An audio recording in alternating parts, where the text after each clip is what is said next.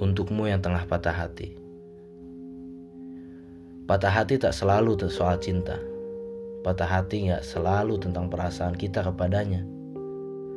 Apa pun bisa mematahkan hati seseorang. Patah hati tak hanya melukai perasaan, tetapi lebih dari itu, sangat luas dan sulit untuk digambarkan. Dan patah hati yang paling menyakitkan adalah di saat kita harus mengubur semua mimpi-mimpi yang selama ini kita langitkan. Membiarkan terbang semua angan-angan yang ada.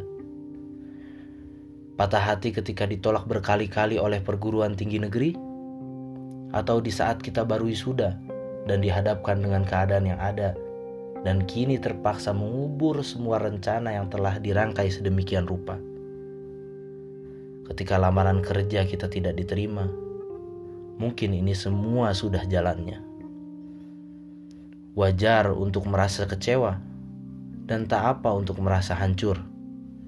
Ini semua bukan salahmu. Kesalahanmu adalah ketika kau patah hati, lalu terpuruk mengubur diri dan tak pernah bangkit lagi.